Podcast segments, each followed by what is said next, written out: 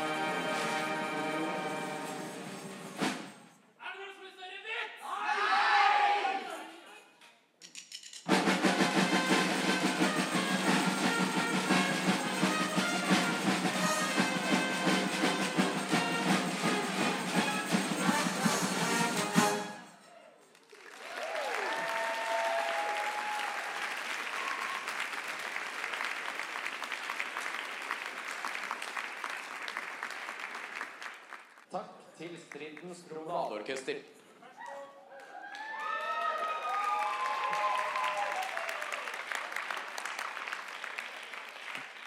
Velkommen til festmøtet Okkultisme. Innenfor den politiske diskursen er det godt å ha noen å skylde på når ting går feil. Globalistene, patriarkatet, Illuminati. Grupper som samles bak lukkede dører for å pønske ut verdensherredømme. På Studentersamfunnet kikker de bak sløret og blottlegger maktstrukturene som egentlig bestemmer. Hva blir vel bedre på en eh, start av halloween enn å få innsikt i den okkulte og skjulte verden? Medieviter Jon Færseth kommer for å fortelle om konspirasjonsteorier tilknyttet hemmelig brorskap. Som forfatter av boken 'Konspira Norge' har han utforsket utallige kommentarfelt der det ofte hevdes at vi styres av alt fra frimurerne til jøder. Færseth advarer mot slike forestillinger og mener de bidrar til å undergrave det demokratiske systemet og i verste fall fører til vold og terror. Vi får også besøk av et medlem av tempelridderordenen Ordo Templi Orientis, som skal fortelle om hvordan det er på innsiden av et hemmelig broderskap. Hva driver de med? Hvor blir man egentlig engasjert i dette? Er Oto de som egentlig trekker i trådene? Det sies at medlemmet skal utføre et vaskeekte rituale i storsalen i kveld. Mitt navn er Gabriel Kvikstad, og jeg er kveldens møteleder.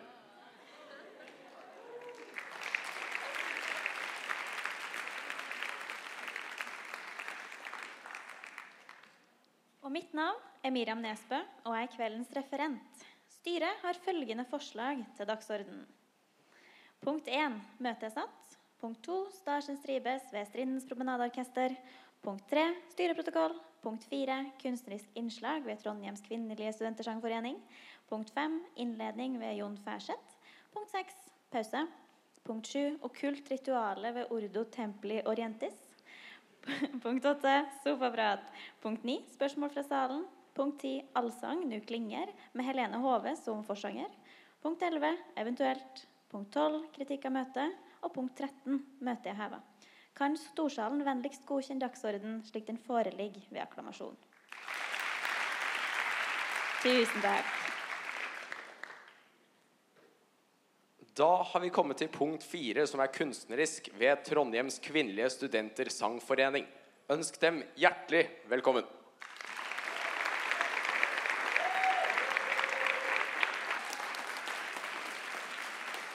Ærede Storsal, vi er eh, Trondheims kvinnelige studentersangforening, eh, eller TK Hex om du vil.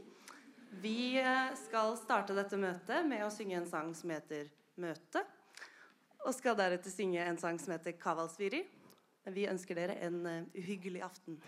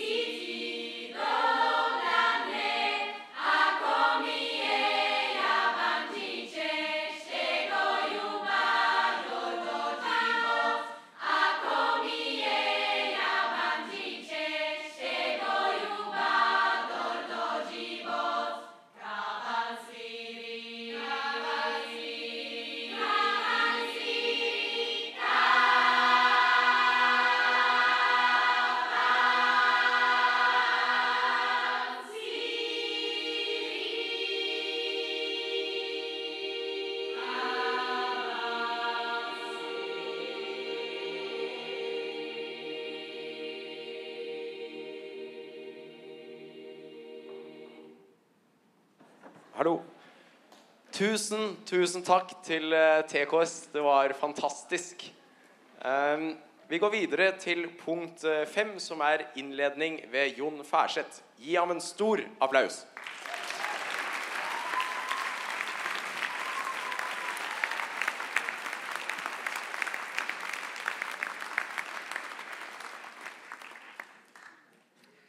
tenkte jeg skulle begynne med å stille et personlig spørsmål. Ok, Jeg ble jo invitert hit for å holde foredrag på et festmøte i anledning halloween. Og jeg tenkte litt Hva i alle dager har dette med halloween å gjøre? Men så begynte jeg å tenke litt at det er ganske mye skrekk og det er ganske mye frykt, egentlig, det temaet jeg skal snakke litt om. Så det burde passe bra. Så var det andre temaet okkultisme. Hmm. Men jeg tror jeg skulle klart å koble det litt på det også. Så jeg tror dette her skal fungere ganske bra. Jeg har jo da som sagt skrevet boka 'Konspira Norge'. Den kom for eh, tre år siden. Kommer snart en ny utgave, så løp og kjøp, folkens.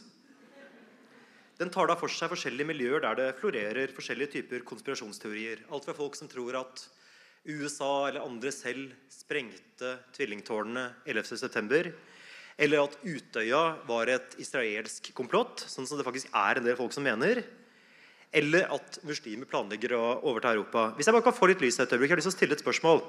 Hvor mange her i salen kjenner i hvert fall én person som tror på en eller annen form for konspirasjonsteorier? Ja, det er ganske mange. Og det viser, synes jeg, én ting. Det viser at konspirasjonsteorier det er ikke bare noe sånt som noen få nerder er interessert i. Det er faktisk noe som er ganske utbredt i dag. For jeg tviler på at alle dere kjenner den samme personen. Så noe av det som kjennetegner den tiden vi lever i nå, det er på mange måter at vi lever i en konspirasjonskultur. For det første så er det jo sånn at Jeg tror det er mange flere som tror på konspirasjonsteorier nå enn det var for noen få år siden. Og Det har selvfølgelig litt å gjøre med Internett, som har gjort at dette sprer seg på en helt annen måte enn før. Men også litt at vi lever i det som man gjerne kaller et postfaktuelt samfunn. Det er et samfunn hvor vi ikke lenger er så veldig interessert i fakta, er så veldig interessert i å researche. Men vi plukker det fort, det som på en måte passer best til hva vi føler er riktig. Noe politikere, noe folk som driver propaganda, jo også har begynt å forstå. ikke sant? De spiller på følelser, og de avviser saklige argumenter som ja, ja, dette er bare noe de sier. Det behøver vi ikke å stole på. Og ikke minst så har dette begynt å prege litt populærkulturen vår. Det er ikke så mye lenger, selvfølgelig, det er det også. Men i tillegg til filmer som på en måte spiller på frykten vår for spøkelser, vampyrer osv., så, videre, så har det også de siste 20 årene kommet en god del filmer og spill som spiller på frykten vår for skjulte komplotter. ikke sant? Spillet Assassin's Creed er et eksempel. Agents of Shield. For en del år siden var det en film som heter Matrix, ikke sant? som foregikk der det viser at den verdenen vi lever i, egentlig var skalkeskjul for noe helt, helt annet. Så på mange måter kan man si at vi lever i en konspirasjonskultur. Samtidig så er det en serie jeg synes er spesielt interessant her. Det er en som heter Black Mirror. Jeg vet ikke hvor mange som har sett den? Det er noen, ja. Det er rett og slett en BBC-serie som foregår i nær framtid. Det er forskjellige ulike scenarioer som ikke henger sammen. Det er i hvert fall påfallende mye i hvert fall denne sesongen her. Det handler om samspillet mellom menneske og maskin. Det handler om programvare som på en eller annen måte på ulike måter overtar for hukommelsen vår, for sansene vår, deler av bevisstheten vår, og som ofte slett ikke er til å stole på. Og kanskje akkurat dette her, at vi på en måte ikke er herre i vårt eget hus, men at hele sinnet vårt på en måte kan styres kanskje er noe av det som skremmer oss mer i dag enn spøkelser og troll gjør. Anyway, Moderne konspirasjonskultur den blir ofte sagt å stamme fra USA. Det stammer fra det man kaller the radical right, altså det miljøet som er preget av en voldsom grunnlovsfundamentalisme, ikke minst knytta til the second amendment, altså retten til å bære våpen, og med en tilsvarende skepsis til myndighetene i Washington. Og Mange sier at dette her, det er en del av det man kaller den paranoide stilen eller den paranoide tradisjonen i amerikansk politikk. Det er en tradisjon der man ser USA som noe historisk unikt, som hele tiden er truet utenfra og innenfra av forskjellige krefter. Det kan være utlendinger, er det da nye innvandrergrupper. Det kan være kommunister, hippier, katolikker, jøder, frimurere.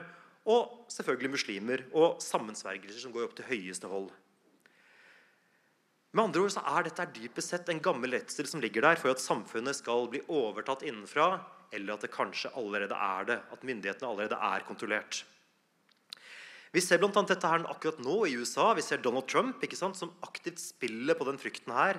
Når han snakker om Obama som en muslimsk agent, eller som ikke født i USA. Og når han stiller opp på showet til Alex Jones, som er en av guruene for militsbevegelsen og den regjeringsskeptiske bevegelsen, og påstår at Hillary og demokratene kommer til å stjele valget, sånn som han da mener at de alt har gjort med Bernie Sanders, og at man er nødt til å gjøre, gjøre motstand, man er nødt til å bevæpne seg. Altså Han frir både til ideen om utenlandske agenter og til at det finnes skjulte krefter som undergraver innenfra. I Norge ser vi litt av det samme med nettsteder som Nyhetsspeilet. Det er et nettsted som snakker om ting som reptiler, menneskeham, eller jesuitter og katolikker som kontrollerer norsk politikk og økonomi. Eller jøder som trekker trådene bak alt sammen.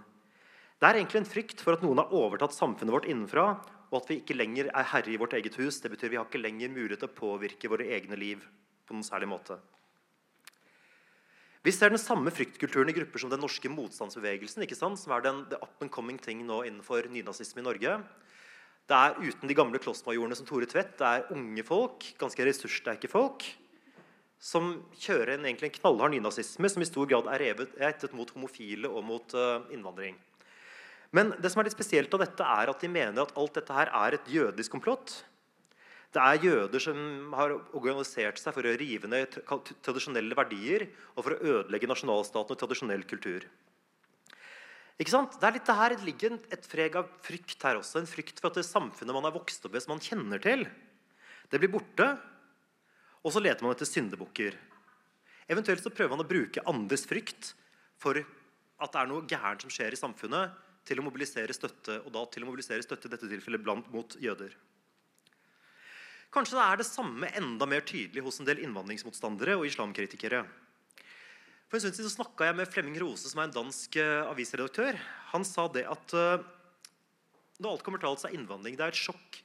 Det er et kultursjokk for to, to, parter. For det første så er det et sjokk for de som kommer hit, men det er også et sjokk for de som alt er her. Som plutselig opplever få naboer som har en annen religion, en annen kultur, et annet språk, annet syn på kvinner, andre referanser, annen humor.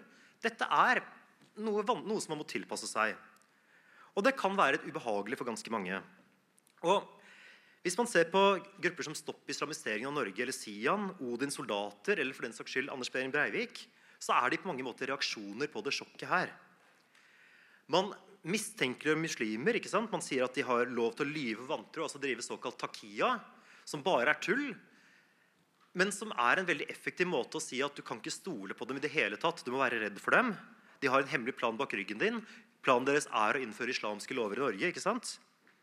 Det betyr at Du kan ikke stole på dem, du må være redd for dem. De spiller altså på frukt for at de som er annerledes, har en hemmelig plan bak ryggen vår. Eller man tar dette enda lenger og sier at norske og europeiske myndigheter jobber for å innføre et Eurabia, altså et islamkontrollert Europa. Sånn som Breivik trodde. Så igjen, dette er også en form for frykt som slår ut her. Det er konspirasjonsteorier som fødes av frykt og som spiller på frykten vår for å kunne gjøre seg mer interessant for oss. Du ser til og med litt av det samme på deler av venstresida når man ser alt som amerikansk eller israelsk propaganda eller komplott. Ikke sant? Man er så negativ til USA eller så negativ til Israel at man tror at de til og med kan stå bak 9-11 eller Utøya. Ikke sant? Alt dette her er på mange måter det er frykt. Det er på en måte en måte å forstå en verden som blir mer og mer vanskelig ved å skylde på noen. Så det jeg prøver å si er at Konspirasjonskulturen det er en fryktkultur. Og at det er rett og slett basert litt på frykt og ubehag for den vei, verden, veien som verden går. Og spesielt for at vi ikke kan kontrollere det. Hvis noen kjenner en norsk forfatter som heter Jens Bjørneboe, så skrev han en gang at vi bor på Skorpen. Han sier at vi bor egentlig ikke på en behagelig jordkule. Vi bor på et tynt lag der du har iskaldt, dødt verdensrom over oss og glødende magma like under oss. Og at, altså at livsrommet vårt sånn vi er der, det er noenlunde bekvemme med, det er skjørt og det er tynt. At vi i perioder blir klar over det, og klarer hvor skjørt det er, og hvor trua det egentlig er. Og så får vi panikk. Og Vi har ganske mye å frykte nå. Vi har arbeidsledighet som vokser. ikke sant? Vi har en større krigsfare på lenge, og vi har en flyktningkrise. Vi har et samfunn som på mange måter løper løpsk. Men kanskje mest av alt så er kanskje det mange frykter at verden er i rask endring. Ikke sant? Verden blir, endrer seg økonomisk. Det blir mindre muligheter for å være sosialt mobil enn før. Vi har ikke samme, kanskje de samme fremtidshåpene som før. Vi ser at ny teknologi forandrer verden raskt. Mer migrasjon, et mer flerkulturelt samfunn enn før. Og alt dette her opplever nok ganske mange som ganske skremmende. Denne globaliseringen på alle måter. Språk forsvinner, nasjonale kulturer forsvinner. Og Da er det lett å lete etter enkle løsninger. Man kan ty til, til å stemme for brexit, sånn som man har gjort i England. Da ser man EU som roten til alt ondt, eller man kan stemme på Trump i USA. Men at man også kan begynne å lete etter forklaringer på, som på en måte sier at det er noen bak. Det er noen som styrer. Dette her som skjer, er i hvert fall ikke tilfeldig. Det er noen som har handa på rattet, i det minste. Og at det kanskje er mer komfortabelt enn å se at dette her, det er bare noe som skjer, og at det er som egentlig, ingen som egentlig kontrollerer det. Og Da ser man etter syndebukker, og da kommer konspirasjonsteoriene. Da begynner man å se alt dette her som ledd i et stort, hemmelig komplott, der noen har lagt planer bak kulissene. Enten det er jøder, frimurere, Illuminati eller hvem som helst. Så her mener jeg som sagt igjen at det er en fryktkultur, og at det er det som ligger bak konspirasjonstenkning. Så kommer spørsmålet hvor kommer det okkulte inn? Vel, Jeg har tenkt en del på det her, hvordan man skulle koble det okkulte inn på dette. Og det som slo meg er at Konspirasjonstenkning det er jo på mange måter okkult. Det, en, det hevder å sitte på en skjult kunnskap og en skjult nøkkel til å forstå verden, til å forstå hva som foregår. Som kanskje på mange måter i det minste gjør verden litt mer forståelig. For igjen å vende tilbake til Black Mirror så er det flere episoder som tar opp noe som kanskje er mer skremmende enn det meste annet, nemlig at vi ikke engang har styring over oss selv, men at deler av bevisstheten vår egentlig er styrt utenfra. Det kalles gjerne agency panic på engelsk. altså frykten for tap av kontroll, eller kanskje at vi aldri har hatt kontroll over våre egne liv. Og jeg tror Det er noe av kjernen i den konspirasjonskulturen vi har i dag. og i den fryktkulturen vi har i dag. At vi føler at vi er i ferd med å miste fullstendig kontrollen over våre egne liv. At verden på en måte nesten løper løpsk. I rask forandring. Og at der bidrar konspirasjonsteoriene til å gi oss tilbake en følelse av mening. Til å gjøre verden forståelig. I det minste på den måten at det er noen som bevisst manipulerer oss og verden og lederen mot et mål.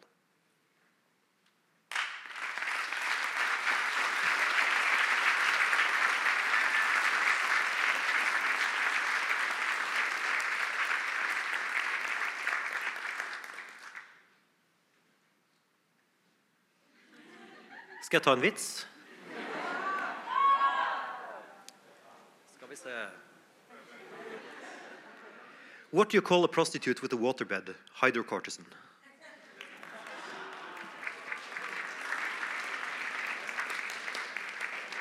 Tusen takk eh, til Jon Færseth. Eh, da har vi egentlig kommet til eh, pause. Eh, så da tar vi en ti minutter lang pause, så ses vi tilbake da. Vi har da kommet til punkt åtte, som er sofaprat. Så da kan vi eh, gjøre oss klare. Ja, Jon. Hva var det vi Hva var vi vitne til her? Nei, det var vel et uh, okkult rituale, som gjerne kalles en star ruby. Men uh, må det må du nesten spørre Martin om. Det skal vi gjøre. Um, er det dette som får folk til å tro på konspirasjonsteorier? Ja, kanskje til en viss grad er det nok det. Vi har f.eks. en lang tradisjon for å mistenkeliggjøre frimurere, som jo på mange måter er en slags okkultister. Og hvis vi så her, ikke sant, så hadde han jo på seg en hette over hodet. ikke sant? Han snakket et uforståelig språk, han gjorde noen handlinger som er ganske vanskelig for mange å forstå. Og jeg tror det ligger et eller annet der. ikke sant? Se på frimurerne, så har de lukkede losjer. Hva er det egentlig de holder på med der inne? Det er klart at de planlegger et eller annet lyssky. Ser du på jødene, ikke sant, så de, annen, de, bor blant oss, men de har en annen religion, de har et annet språk. De spiser en annen type mat. De uh, går i sin kirke på lørdager istedenfor på søndager som andre folk. Igjen, Hva i alle dager er det de holder på med? Det er noe mystisk der. Det er klart at de holder på med et eller annet som ikke tåler dagens lys. Så jeg tror det er et eller annet der. altså. Ingen tvil om det. En annen sak er jo det at okkulte organisasjoner som f.eks. da uh, Ordo Tempel Orientis her jo til alle tider har en tradisjon for å påberope seg til viss grad å styre begivenhetenes gang. På 1800-tallet så kom det en god del sånn såkalte rosenkrusianske romaner. Altså Dette var da romaner som da hevdet da handle om hvordan uh, skjulte mestere egentlig styrte historien. Du ser det samme hos Madame Blavatsky og de tidligere teosofene. Så på mange måter så hevdet de selv da å være de som trakk i trådene, men da riktignok i positiv forstand, at de ledet verden mot noe bedre. Og Det var det nok også ganske mye lettere å tro på på 1800-tallet. fordi at man hadde en følelse at verden gikk fremover. Etter første og andre verdenskrig er det nok ganske mye vanskelig å tro det. Og det er klart at Da får denne her typen snakk kanskje en mer negativ konnotasjon. De styrer verden, og de planlegger et eller annet jævlig kjipt. Så hva er det da som skiller Hva er det som skiller legitim maktkritikk fra en konspirasjonsteori? Altså, legitim maktkritikk fra en konspirasjonsteori.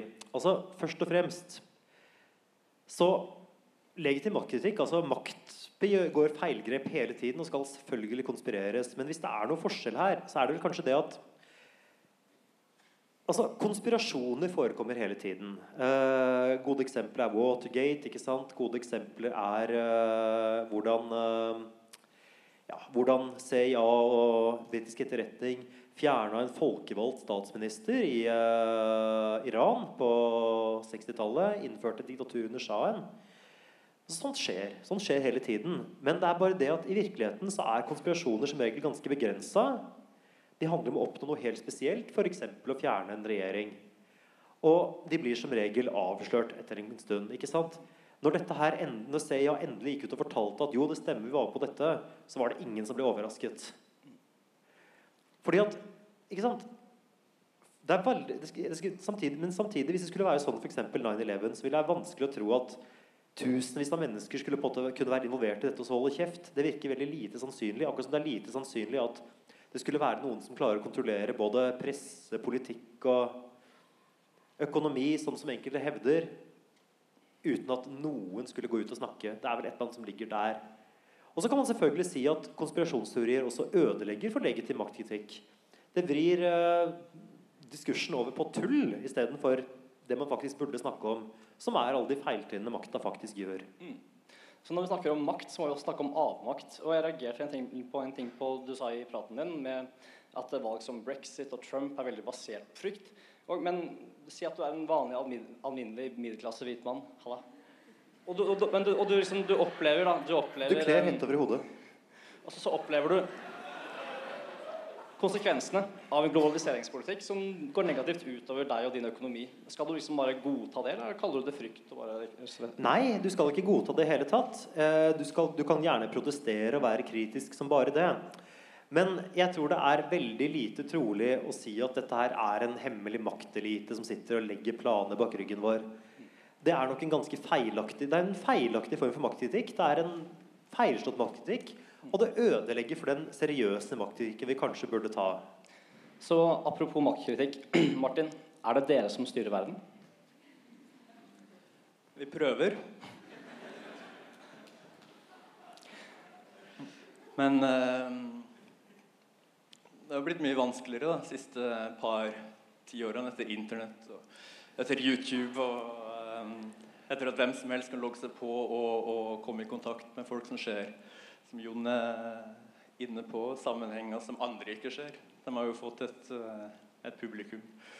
Neida. Um, nei, det, det er jo ikke det. det Så hva var det vi var vitne til i sted på gulvet?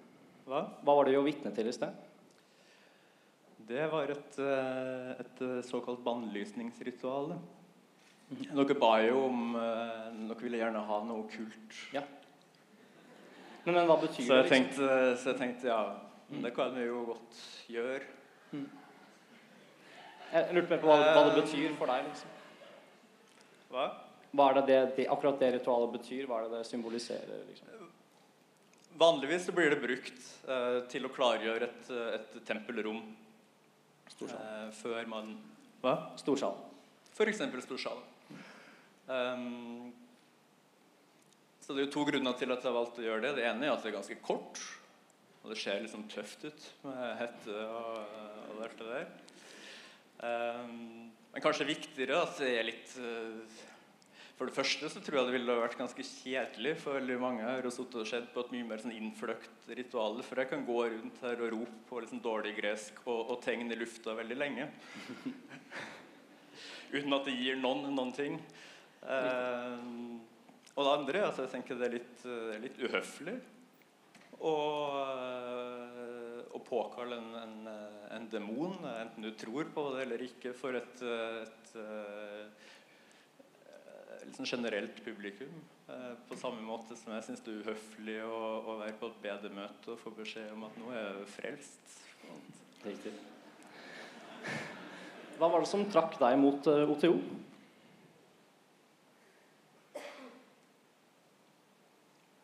Mm. det blir jo veldig sånn selvbiografisk, da. Og det er jo, det er jo viktig, og når, spesielt når det gjelder eh, O2, som vi prata litt om i stad. Vanligvis stiller jo O2 aldri opp på, på sånne ting som det her. Eh, eller i media eller i reportasjer. Vi får veldig mange invitasjoner til å, til å gjøre det. Um, og sier vanligvis nei, da. Spesielt når det gjelder media, så er det jo fordi at vi ikke har kontroll over det sluttresultatet. Og uansett hvor uh, god hensikt den journalisten har, så skal det alltid gjennom spesielt avisa, gjennom en desk. Og vi har gjort det her før, og, og, og har ryddige intervju som alltid ender opp med krigsfont på forsida, og svart, svart og rødt og hvitt og, og sånne ting. Um, så Vanligvis så sender vi aldri ut én uh, person som skal fortelle så veldig mye om akkurat hva O2 er, for at vi har en, uh, vi har en bredde i, i, vårt medlemskap, en veldig bred, et veldig bredt fortolkningsgrunnlag. Da. Men uh, for min del så var det veldig enkelt. Jeg um, jeg er oppvokst, oppdratt sekulært. Da. Veldig sekulært. Som betyr at jeg hadde ingen gud å være sint på. Jeg hadde, ingen, jeg hadde en ganske vanlig oppvekst. Ikke, ikke noen sosiale ting som gjorde at jeg trengte det her. Um, men pga. et liksom brokete sammensetning av interesser, så, så, kom jeg spesielt over Alistair Crowley når jeg var i, i tenårene. Leste jeg var mer og mer fascinert av det han hadde å si. Um, oppdaga til min, min, min, forskrekkelse at, at O2 eksisterte jo, som er på en måte hans uh, arv, da, hans orden. Um, så én ting eh, leda til en andre, og jeg søkte eh, innvielse der. Og det handla jo mest for meg om å komme til et rom hvor folk eh, i fortrolighet diskuterer de tingene her, er interessert i de tingene her, hvor, hvor jeg ikke trenger å rettferdiggjøre de interessene. Fordi at vi er allerede enige om et grunnpremiss, da, så blir diskursen litt mer interessant. Riktig. Eh, Jon, ser du noen grunn til å være skeptisk til organisasjoner som den Martin er med i her? Nei, jeg kan ikke helt se hva det skulle være for noe. Uh, jeg mener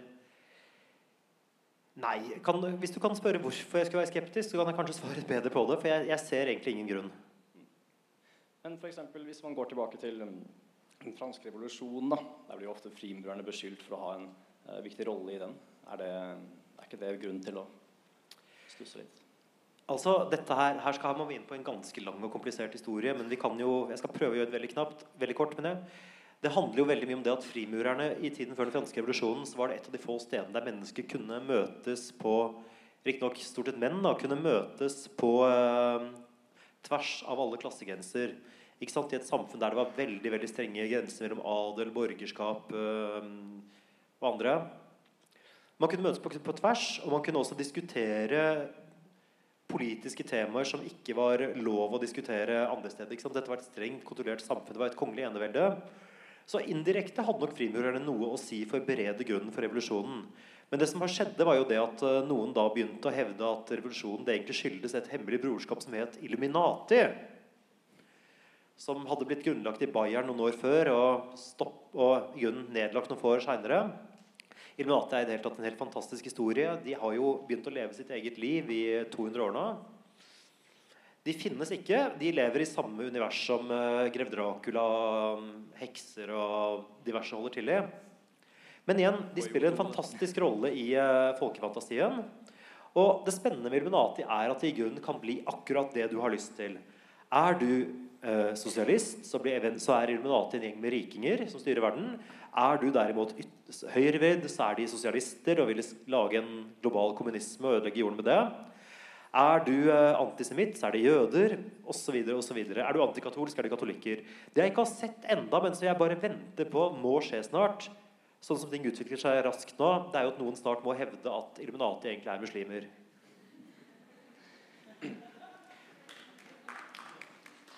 Vi snakket litt om det fristedet som det kanskje er å være i sånne uh, organisasjoner. Da lurer jeg på, Hva er grunnfilosofien? Er det noe man har til felles? En grunntanke?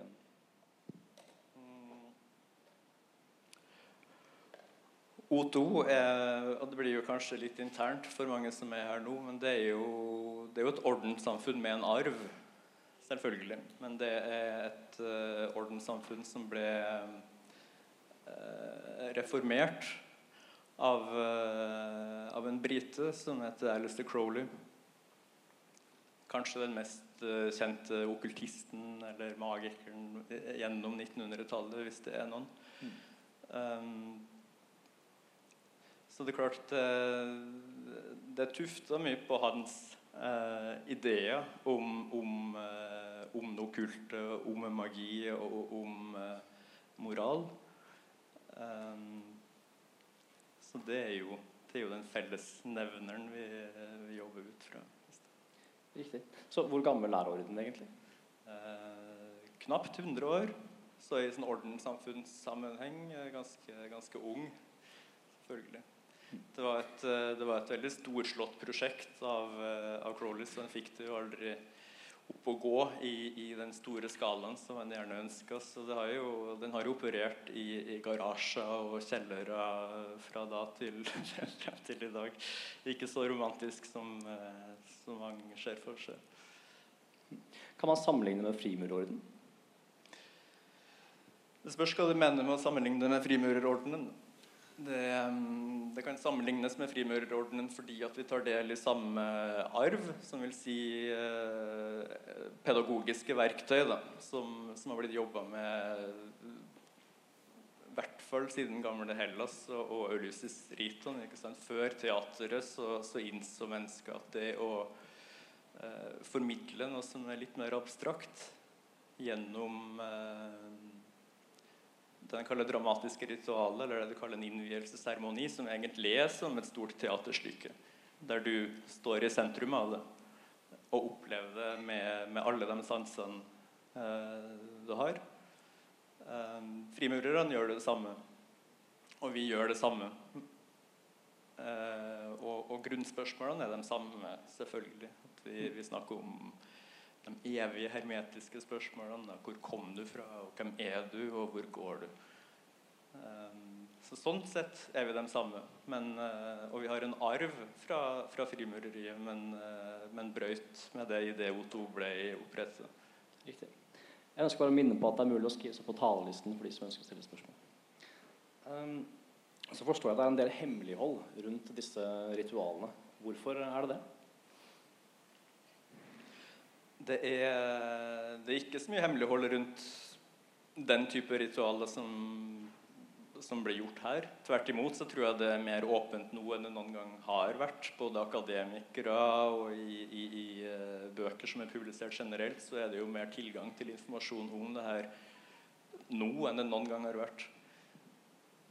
Men uh, i uh, i en O2-sammenheng og til sammenligning i en frimurersammenheng så er det viktig som en dyd, mer enn at det er så fælt, det som skjer bak den døra, at det holdes hemmelig. Um, jeg tror det handler om um, Jeg tror det er mer aktuelt nå enn det har vært uh, noen gang tidligere. Det, det, er forskjellige grunner. Før i tida ble det holdt hemmelig fordi at det man driver med, lett kan bli ansett som, som kjettersk eller, eller, revolusjonært uh, på et politisk eller et religiøst uh, utgangspunkt. I dag holder vi det hemmelig fordi at vi lever i et informasjonssamfunn der du har tilgang til alt. Du kan sette deg på internett og lese hva du vil. Og det å, å gå inn i det som er en, en tradisjon, noe som en gruppe med mennesker har holdt eh, hellig, da. Å få det formidla den ene gangen vi åpner det tempelrommet for deg som initiant, og du går inn der, og det er veldig overveldende, og du har aldri sett det før, og du går inn i det rommet én gang og aldri igjen, og får eh, sett et par ting, og det blir fortalt et par ting. Det vil, det vil også formidle noe på en måte som er uerstattelig, eh, uansett hvor lett tilgang du har på informasjon.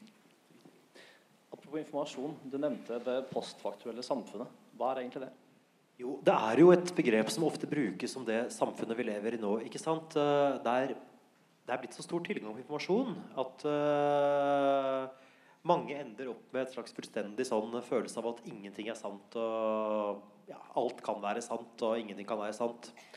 Og det vi ser, er at uh, dette både fører til spredning av uh, alt fra pseudovitenskap til konspirasjonsteorier, til det meste annet. Til at forlag investerer store penger i bø bøker som bare er tull. Ikke sant? Godt eksempel er NRK som sender lange dokumentasjoner om en eller annen rar komponist som har funnet Som mener han har funnet fiberhørende skatter i Canada. Dette ville aldri kunne skjedd før, men vi lever i et samfunn der på en måte fakta ikke er så viktig fordi at alt er sant og ingenting kan være sant fordi det er så mye informasjon ute og går. Og så har man en del eksempler på at politikere da spiller på dette. ikke sant? Eh, Trump er et godt eksempel på det. Han vil avvise bare fakta med at ja, men dette er bare noe, folk, noe Hillary sier og demokratene sier. En konspirasjonsteoretiker vil avvise fakta med å si at dette er bare noe sionistene har funnet opp, eller dette er bare noe makteliten sier for å holde sannheten skjult. Og Da kommer du på en måte ingen vei med tradisjonell faktadiskusjon. Og det er nok veldig mye med å forme den tiden vi lever i nå, tror jeg. Men hvem er det som egentlig bestemmer hva som er og hva som ikke er fakta? Altså, det jo at De kommer med anklager om liksom, det er bare demokratene som uh, gjør ditt og datt. Men når man ser filmer som de Wikileaks og sånn produserer, da, uh, eller ikke produserer, men publiserer, vil du avfeie det som usant, eller er det, hvem er det som bestemmer? Absolutt ikke. Jeg har avvist ikke Wikileaks i det hele tatt. Samtidig skal det sies at Wikileaks har blitt noe veldig veldig rart noe i det siste. Eller egentlig over ganske mange år. Altså, en venn av meg beskrev nylig Wikileaks som eksen du møter igjen etter noen år som du ikke skjønner hvordan du kunne falle for.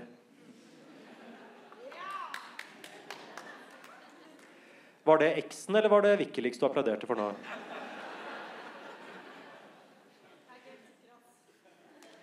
Anyway, det er hvert fall Poenget er at Wikileaks har jo helt åpenbart blitt noe ganske rart nå. ikke sant? Nå er det jo åpenbart en del av Donald Trumps valgkamp og ser ut til å være, være styrt direkte fra Kreml. ikke sant? Uh, Assange har hatt sine programmer på russisk TV, og ja, det er ikke måte på, egentlig. Putin er for øvrig en som er veldig dyktig på dette her, å bruke det postfaktuelle samfunnet for alt det er verdt. Men det er en annen historie. Når det er sagt, så har det vært noe fishy med Wikileaks i ganske mange år. F.eks. allerede i 2010-2011. Jeg er ikke helt sikker på årstallet, så ikke slå meg hvis jeg husker feil år her. Så var det jo snakk om at eh, Wikileaks via en medarbeider som heter Israel Shamir, som er en ganske suspekt person, hadde drevet og eh, forsynt diktaturet i Hviterussland med informasjon om opposisjonen som de da kunne bruke til å ta det.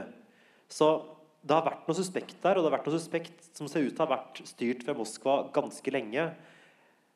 Men igjen, dette har blitt mer og mer tydelig etter hvert, og jeg skal absolutt ikke avvise det de gjorde i starten. Jeg mener det med Avsløringen av Abu Ghraib, avsløringen av uh, Skal vi se Jeg var vel særlig Abu Ghraib og en del andre ting var jo virkelig viktig som bare det. Men igjen, noe ser ut til å ha gått veldig galt, og jeg har ikke lyst til å spekulere i hva.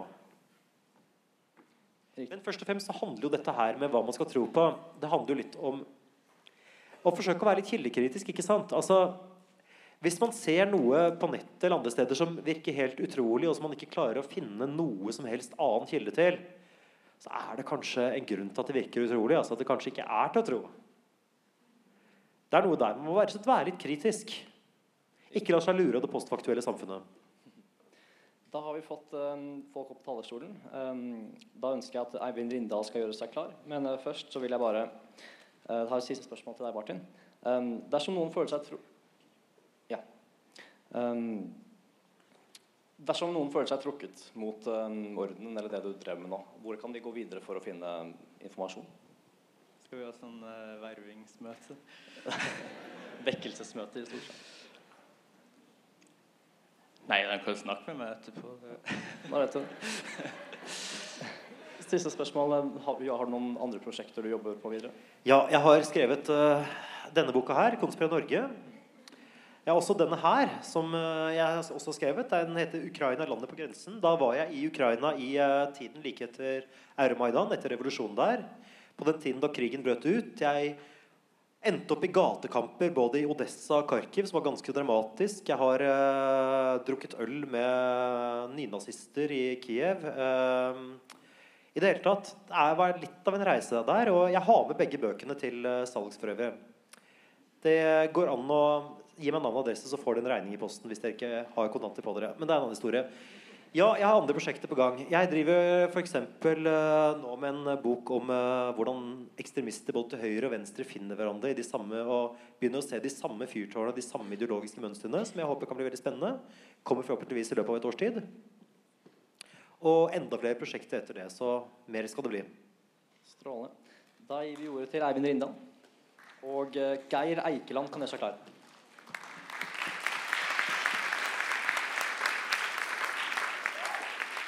Ærede storsal. Mitt navn er Eivind, og jeg er medlem. Dette møtet er jo om okkultisme. Eh, og selv om jeg forstår argumentasjonen om at konspirasjonsteorier konspirasjonsteori kan linkes opp mot okkultisme, så velger jeg å holde meg mer i det okkulte hjørnet. Eh, og, og her er det jo da er Vi står jo her et rituale. Jeg ville ha kategorisert det som et religiøst rituale. Så hvor er grenselandet mellom religion og okkultisme? Hva er forskjellen? Og er det elementer innenfor de etablerte verdensreligionene, da kanskje spesielt innenfor kristenheten, som eh, godt kan kalles okkult?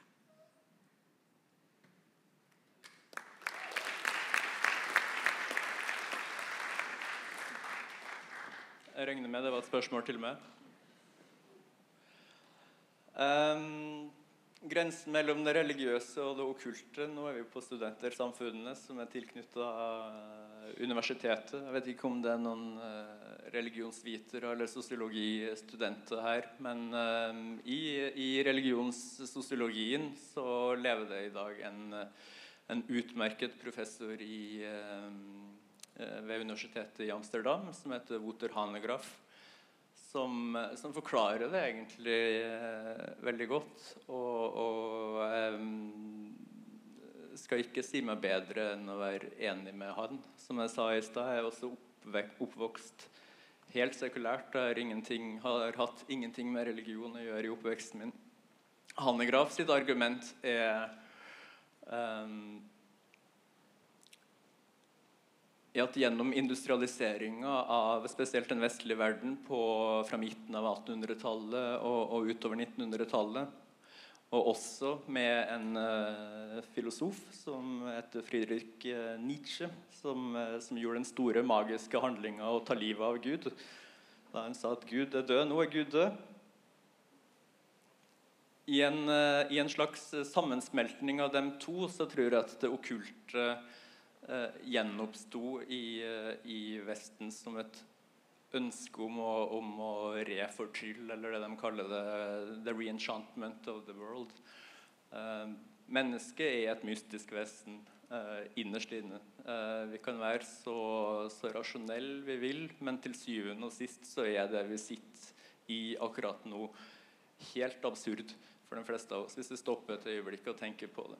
At du sitter på denne lille steinen som spinner gjennom universet, og som spinner i et uh, solsystem og raser gjennom et eller annet som vi ikke helt forstår uh, omfanget av, så tror jeg at uh, dypest i, i, i, sinnet til de fleste, om ikke her og nå, så, så i hvert fall på et eller annet tidspunkt i livet, så, så, så så vil kanskje det ønsket om, om, om, det mystiske tre frem. Da. Og, og det okkulte, det okkulte eh, tilfredsstiller på mange måter det. Eh, grunnen til at det ble trukket mot O2, og spesielt Alistair Crowley, er jo at han og den ordenen presenterer en eh, eh, si rasjonell eller en sekulær tilnærming til, eh, til alt det her. Crowley kalte det magi fordi det var det mest absurde ordet. Eh, det mest avkrefta ordet han kun uh, sett på det han driver med. Men, men, uh, men filosofien bak er, er, i utgangspunktet eksistensiell. Okkultismen handler ikke om å tro på at det fins en åndeverden. Um, det handler om å gjøre enkelte ting som mennesker har en lang tradisjon for å gjøre, Og det er en grunn til at vi har en lang tradisjon for å gjøre det. For at når du gjør enkelte ting, så vil enkelte ting skje i sinnet ditt. Ikke sant? Um, så jeg tror det er det er, det svaret på første delen. Den andre delen er at selvfølgelig alle religioner har, en, har en okkult, et okkult aspekt. Bare se på Kristendommen har sine forskjellige gnostiske sekter. ikke sant? Kristendommen har sin, sin tempelridderorden i nyere tid. Eh, islam har sufismen. Eh, buddhismen er jo innfløkt med okkulte fortolkninger av det de driver med. Så du har en folkereligion og du har en innvidd eh, religion som ofte er litt mer eh, Hvis du ser nærmere på det, ofte litt mer forfina i eh, forståelsesapparatet sitt. Ga det mening? Tusen takk.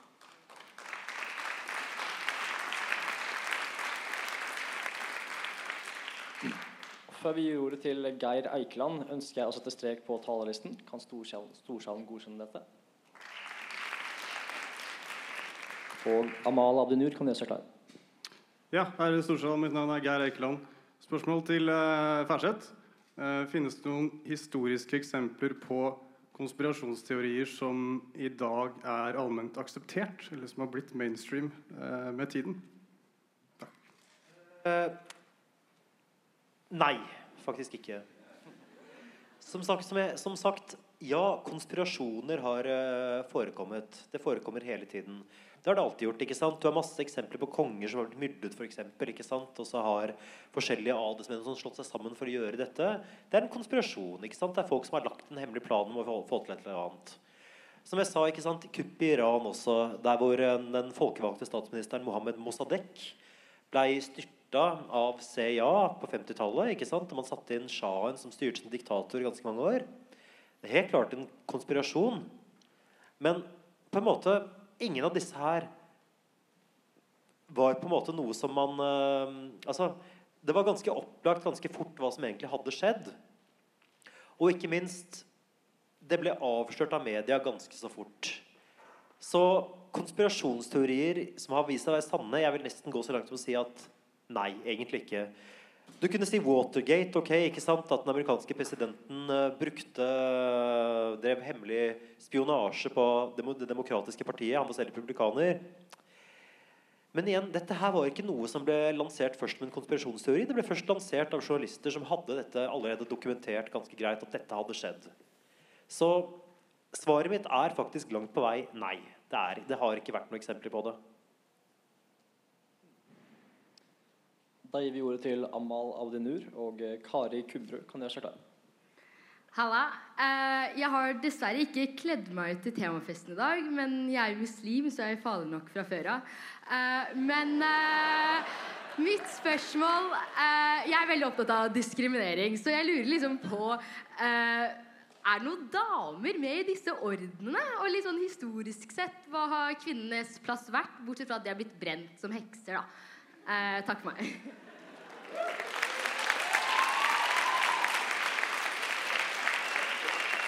Først av alt så er det en påstand om alle kvinnene som blir brent som hekser, ganske overdrevet. Det er ikke millioner, det er, det er kanskje 10 000. Men uh, Martin?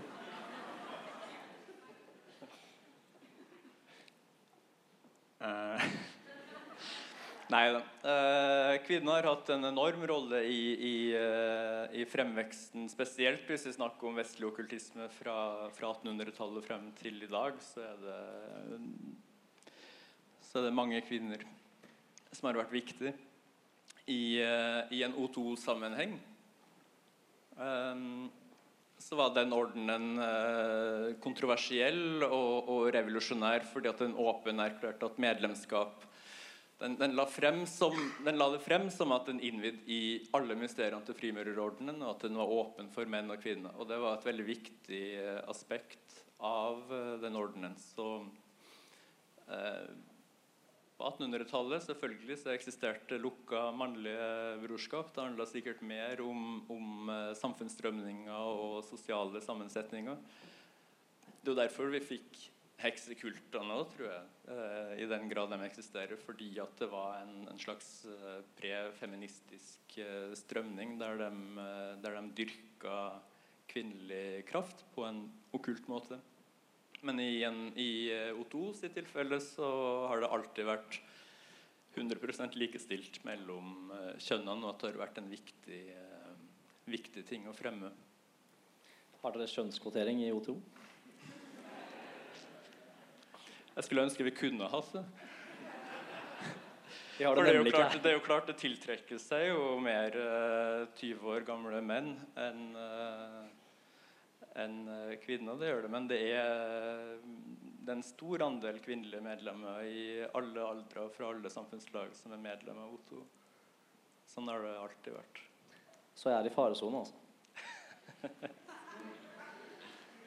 Eh, Da gir vi ordet til Kari Kubru og Erling Gjellum. Kan gjøre seg klar.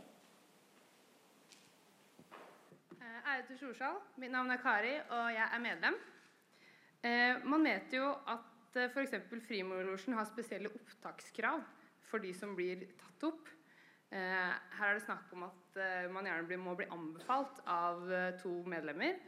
Og det er gjerne snakk om ressurssterke menn. Har OTO de samme type kravene til sine medlemmer?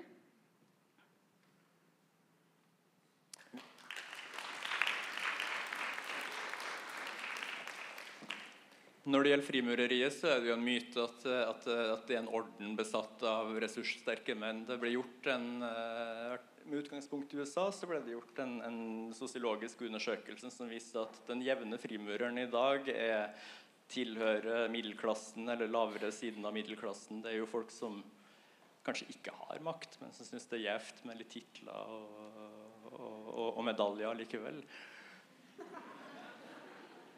Så, eh, så jeg tenker at, jeg tenker at eh, dem, dem som har reell eh, politisk makt, dem som er reelt sterke En gang i historien så ga det jo kanskje mening, sånn som når de gjennomførte den franske revolusjonen og, og, og konspirere. I dag er virkeligheten litt annerledes. O2 har, eh, har samme mm, krav som betyr i, i, i form av at vi er ikke ute og verver medlemmer. Vi, vi prater med medlemmer som tar kontakt med O2 og sier det her er jeg interessert i. Og Hvis du er interessert i det så, og ikke kjenner folk som allerede driver med det, så setter vi gjerne opp et, eh, et, eh, møte og tar en kaffe og snakker med deg, sånn at du får møtt to eh, personer som allerede er medlem. Og det er ikke så mye en eh, en siling når det gjelder sosiale ressurser. Det handler mer om en siling i forhold til om at du ikke er helt sinnssyk eller ikke. Fordi at, fordi at vi, vi tiltrekker oss Det er jo det okkulte, og det okkulte er jo befengt av ganske interessante personligheter.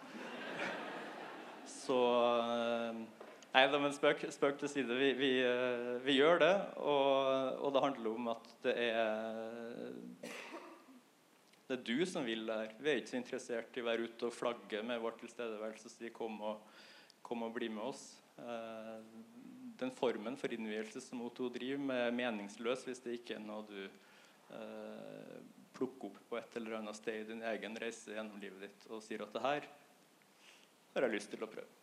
Så tar vi en kaffe da, og sier de, men det kan vi ordne. Så. Kanskje. Så. Vi, har, vi, har, vi, har avvist, vi har avvist medlem. Det er, ikke, det er ikke sånn at det er veldig vanskelig å bli medlem i O2. Tvert imot. Eh, Men, men det hender jo at vi ikke gjennomfører innvielser til folk som, eh, som vi enten opplever at er, har tatt kontakt på helt feil grunnlag, eller som Det er derfor vi òg møter mennesker fysisk før det i det hele tatt er, er mulig å ta de gradene. Da. Da gir vi ordet til eh, Erling Gjellum. Ja, mitt navn er Erling, og jeg er medlem. Jeg vil bare kommentere litt på det som eh, jeg opplevde som kanskje litt eh, nonsjalant avvisning av at det finnes mer eller mindre skjulte, udemokratiske maktstrukturer som styrer litt eh, veien verden går framover. Og du nevnte eh, kuppet i Iran. Og jeg litt på at du nevnte det som et feilsteg. Og, for vi har utallige eksempler på lignende ting har skjedd, spesielt i Latin-Amerika, bl.a. Chile, der demokratisk valgt president ble til slutt drept med pga. sitt ønske om å nasjonalisere gruveindustrien, altså, som var svært uheldig for sterke økonomiske interesser i USA.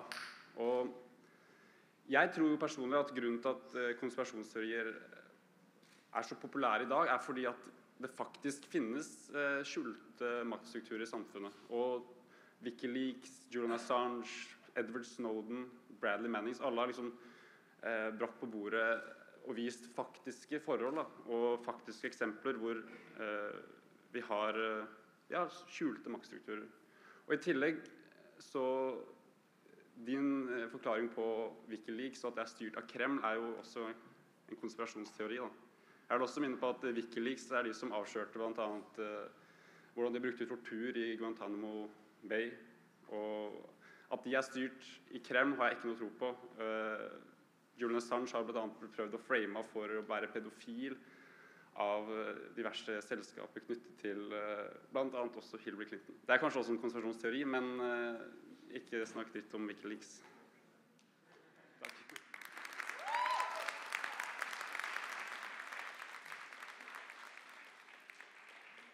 Altså, først og fremst her for å starte et sted. Jeg brukte Iran som et litt tilfeldig eksempel. Jeg kunne like gjerne brukt Chile. Så vi kan godt tenke oss at det var det jeg brukte som eksempel allikevel. Ja, Poenget mitt er at ja, konspirasjoner finner sted. De finner sted hele tiden. Men det er ikke slik at det sitter noen og um, har kontroll over på en måte hele begivenhetenes gang. Det er selvfølgelig snakk om at man organiserer ting under bordet. F.eks. fjerne en regjering. F.eks. Uh, ja, ta livet av en president. Sånne ting som det, det. Det skjer hele tiden. Absolutt. Men som regel, ikke sant? Hvis vi, da, vi kan da like gjerne bruke Chile som eksempel. Det ble jo uh, Det var jo ikke akkurat noen overraskelse når noen kom frem og sa at jeg hadde vært involvert her. Jeg tror de fleste chilenere og de fleste andre reagerte nesten med et slags litt sånn gjesp. Dette her var ikke akkurat spesielt overraskende å få vite. Det er jo noe vi har visst hele tiden. Det er klart USA har masse svin på skogen i Latin-Amerika, men igjen, dette er noe alle vet. Dette er ikke en konspirasjonsteori som så senere ble bevist å være riktig etter først å ha blitt latterliggjort. Det er litt av poenget her. Nei, når det gjelder Wikileaks, jeg vet ikke. Det er i hvert fall noe veldig rart som skjer der nå. Det har vært rare ting som har skjedd der i ganske mange år. Om det har vært sånn fra starten av, eller om det er eh, noe som kom inn på et tidspunkt, det, det vet ikke jeg. Men at det nå i hvert fall har degenerert til en organisasjon som ser ut til å være mest opptatt av å få Trump valgt som president, det står jeg ved at det er. Og at det har vært suspekte ting det er i hvert fall siden sånn 2010-2011, når man som sagt har begynt å forsyne regimet i Hviterussland, som i hvert fall var det klart verste regimet i Europa, det eneste egentlig diktaturet i Europa. Man forsynte dem med info om opposisjonen. Man involverte holocaust-benekteren Israel Shamir som uh, hovedansvarlig for tidligere Sovjetunionen. Man inviterte sønnen hans sønnen hans, Johannes Valgren, som uh, ansvarlig for Skandinavia. Det var noe rart der på et tidlig tidspunkt. Men igjen, om dette var naivitet fra Sanges side, eller om det var uh, At han på et tidspunkt har fått noe press på seg, det, det vet jeg ikke. Det, er, det, blir spennende den dagen den historien kan fortelles. Jeg tenker um tenker at Politikk er jo sammensvergelse i, i større eller mindre grad. Tror, men, men, poenget her er jo at de, de sammensverges ikke fordi at de tar på seg svarte kapper og står i en sirkel av lys og lover evig troskap til hverandre. Det, det, de har bedre ting å bruke tida si på, tror jeg. Jeg skulle gjerne gjort det til en Hillary mot Trump-debatt, men det blir, nesten, nesten, det blir neste helg. Um, da ønsker jeg gjerne å takke dere, Martin Martin O2 og Jon Færseth. Takk for at dere kom. Da har vi kommet eh, til punkt ti. Og eh, da er det vel på tide å fremføre vårt fremste rituale. Uh, og jeg vil da be storsalen reise seg når vi synger 'Nu klinger'. Og forsanger er Helene Hove.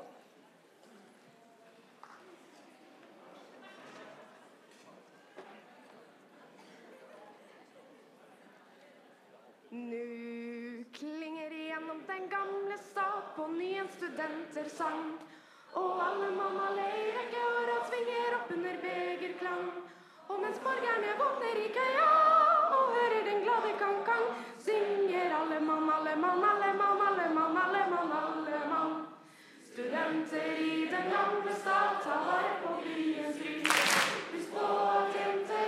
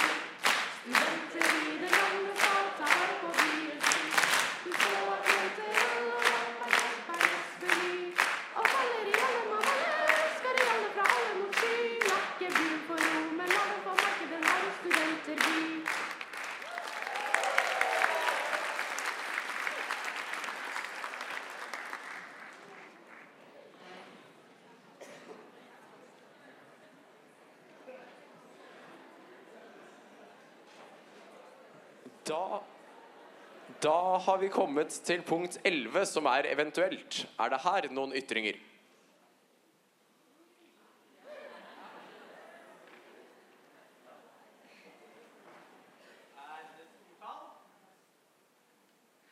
Mitt navn er Eivind Rindal, og um, dette er en sånn hybrid mellom eh, politisk femminutt og litt sånn småkritikk, så dermed så blir det eventuelt. Det er fullt lovlig å si hva som helst på eventuelt. Husk det. Eh, Men det er jo det at eh, nå er det jo slik at det er 499 år siden en viktig hendelse som vi ikke helt har tatt inn over oss når vi nå her i kveld har halloweenfest. Dagen før bods- og bededag. Egentlig burde jo vi feiret dette i tråd med den lutherske tradisjonen. Nemlig natten fra første søndagen i november til første mandagen i november. Nemlig grenselandet mellom alle helgens dag og alle sjelers dag. Og by the way, det er alle sjelers dag som er det interessante med halloween. For det er der man skal be for alle de sjelene som sitter fast i skjærsilden og ikke kommer videre. Alle helgens dag, All Saints Day, det handler jo om alle helgenene. Og er en kirkelig festdag med liturgisk farge hvit i de fleste kulturer. Enkelte bruker også rød, dvs. Si martyrfarge. Men egentlig er det hvit, altså festfarge. Det er de salige. Så det er viktig å huske på i denne ja, Jeg vil ikke si okkulte, men, eh, for det er ingenting med mysteriekulter som vi har fått høre om tidligere i dag, å gjøre dette her. Dette handler vel mer om kommers. Men eh, vi må huske tilbake at halloween har to opphav. Det kristne, som jeg nå nettopp har nevnt, da riktignok fra et luthersk perspektiv. Og så er det det keltiske. Og det keltiske er veldig interessant, så det oppfordrer jeg dere alle til å lese mer om selv. Ha en fortreffelig god aften, ærede storsal.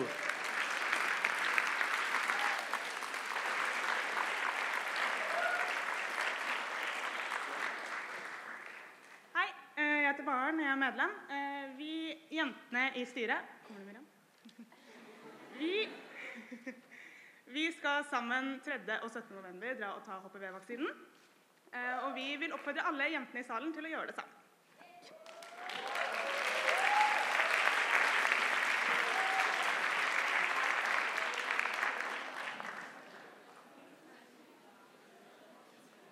Da går vi videre til punkt 12, som er kritikk av møtet. Er det her noen ytringer?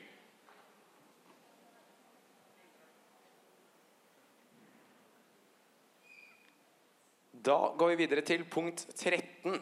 Ehm, Jeg kan jo også informere om at eh, samfunnet holder ekstra lenge oppe, mest sannsynlig på valgvaken. Eh, rådmannen har innstilt på at formannskapet skal vedta at det blir eh, holdt åpent til klokken seks. Så det, det liker vi. Så da blir det valgvake her. Kan også da nevne om at neste samfunnsmøte er om presidentvalget.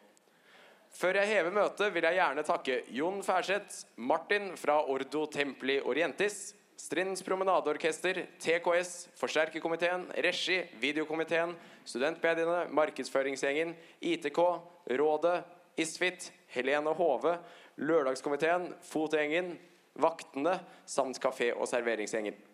Hvis du vil diskutere møtet videre, kan du gjøre dette i Edgar eller på sosiale medier ved å bruke emneknaggen 'Samfunnsmøte'.